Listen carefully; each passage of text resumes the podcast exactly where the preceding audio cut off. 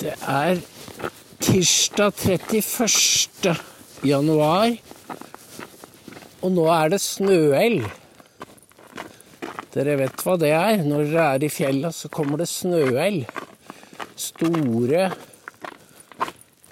snøfiller daler ned.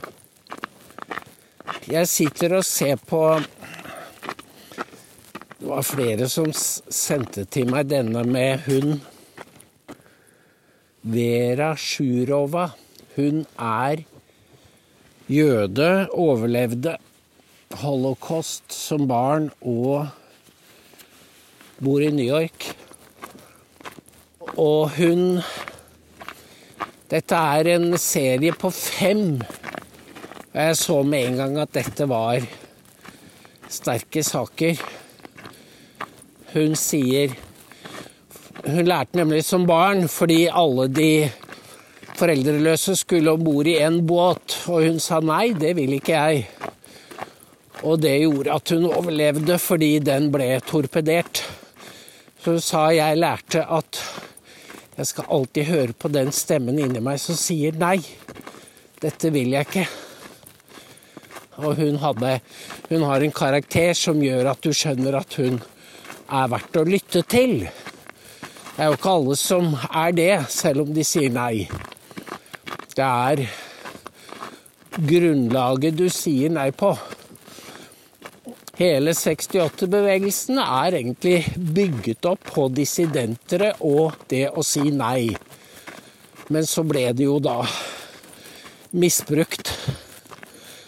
Og i dag er det Hun Sjurova mener altså at vi er i gang igjen. Hun kjenner igjen de samme strømningene som, under, som i 30-årene og under krigen på så mange områder.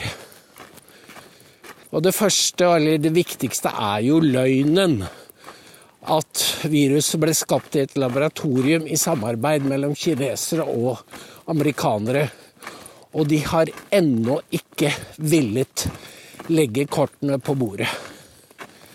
De har tvert imot manipulert mediene og vitenskapen nå i fra 19, 2019 og frem til i dag. Fire år. Og så er de i gang igjen. Så hva er nå Det er så mye rykter. Jeg hører jo om at det er planer om eh, å halvere jordens befolkning. Jeg aner ikke. Dette er eh, påstander som eh, er sirkulerer på nettet. Men jeg hørte noe annet, og det er det som er interessant. Og om jeg så skal si det selv, så er det det som er min metode, hvordan jeg henter inn informasjon, fordi jeg lytter til nyhetene, og der var det jo han i Norad, SV-eren. Ungene kalte han Ork. Vent litt, da skal jeg slå etter hva han heter. Han er i hvert fall sjef for Norad. Ja, Solhjell er det.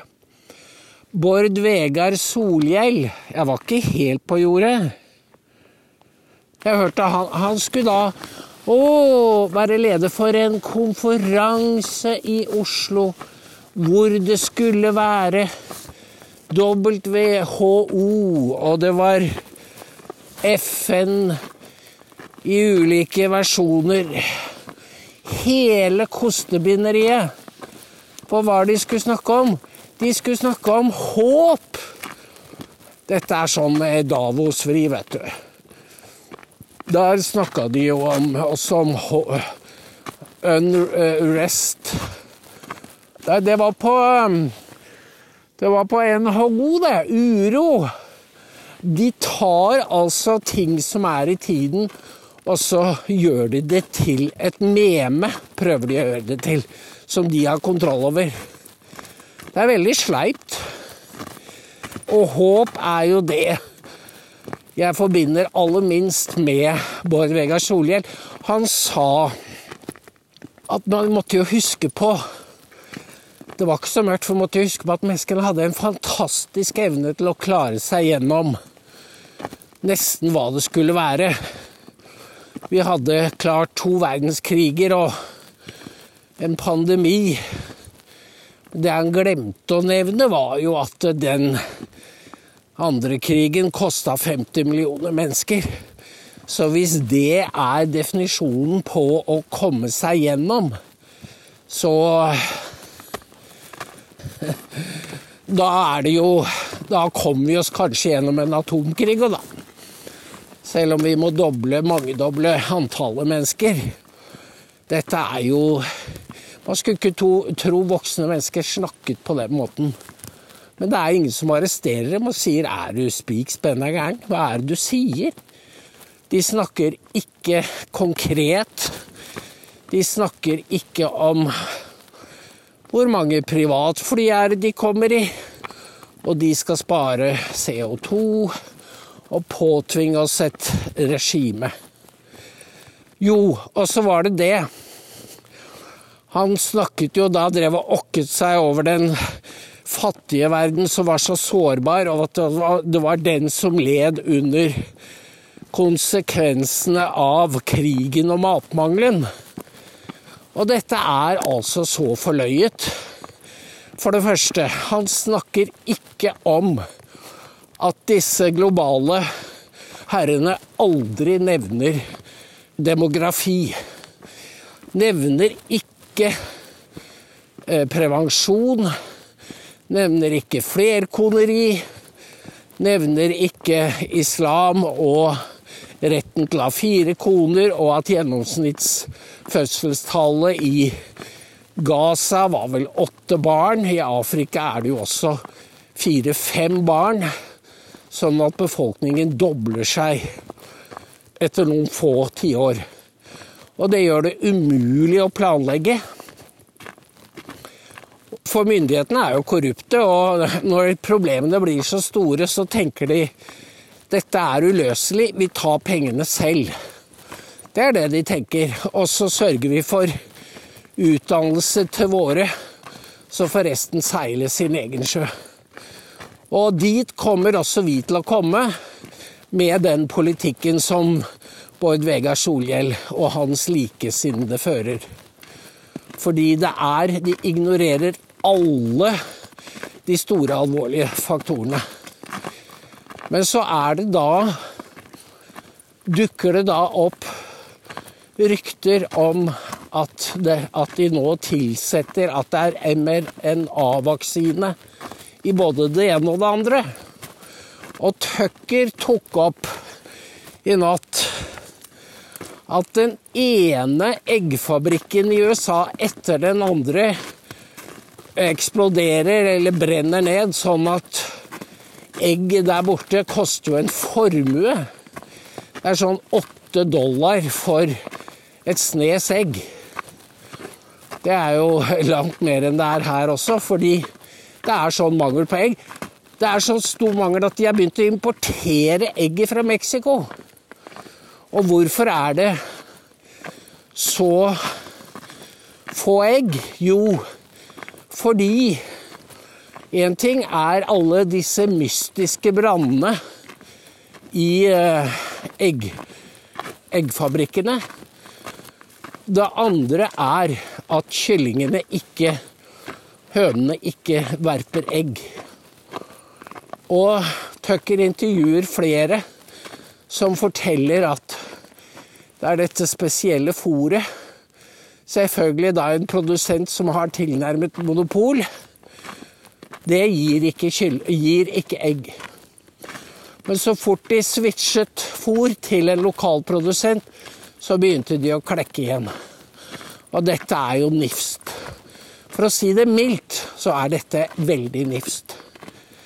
Og så var det Victoria Nuland, denne viseutenriksministeren som fortjener navnet gangster som i januar 22 sa at Nordstrøm 2 aldri kom til å komme i drift hvis russerne invaderte. Og som i høst sa hun var gratified fordi Nordstrøm ble sprengt. Og da sier Tucker stort tydeligere kan du ikke markere eller demonstrere at det var amerikanerne som enten sto bak eller ga et grønt lys. Ikke noe av dette kommer i norske medier. Vi er som en eh, informasjons... eh, som er i karantene. Og så sier folk til oss Å ja, men eh, er ikke dere på den andre siden? Nei, vi er ikke på den andre siden. Vi er der journalister skal være. Vi prøver å gi et nyansert bilde av hva som skjer, fordi det er veldig innfløkt. Men når han Buckholm fra Forsvarets høgskole snakker om korrupsjonen i Ukraina, så forteller han jo bare halve historien. Nå går det et fly over her. Han nevner ikke all korrupsjonen mellom Washington og Ukraina. Han nevner ikke Biden-familien. Og Hunter som satt i styret i Burisma og fikk 83 000 dollar i måneden som smøring av Biden-familien og Det hvite hus. Jeg er ikke sikker på om Bukholm er klar over det engang. Fordi hvis du leser Hvis du kun følger norske medier, så vil det si at du, du har en eh, solskinn, solside oppfatning av virkeligheten. Og jeg tror Jeg kan aldri huske at den har kastet så mørke skygger som den gjør i dag.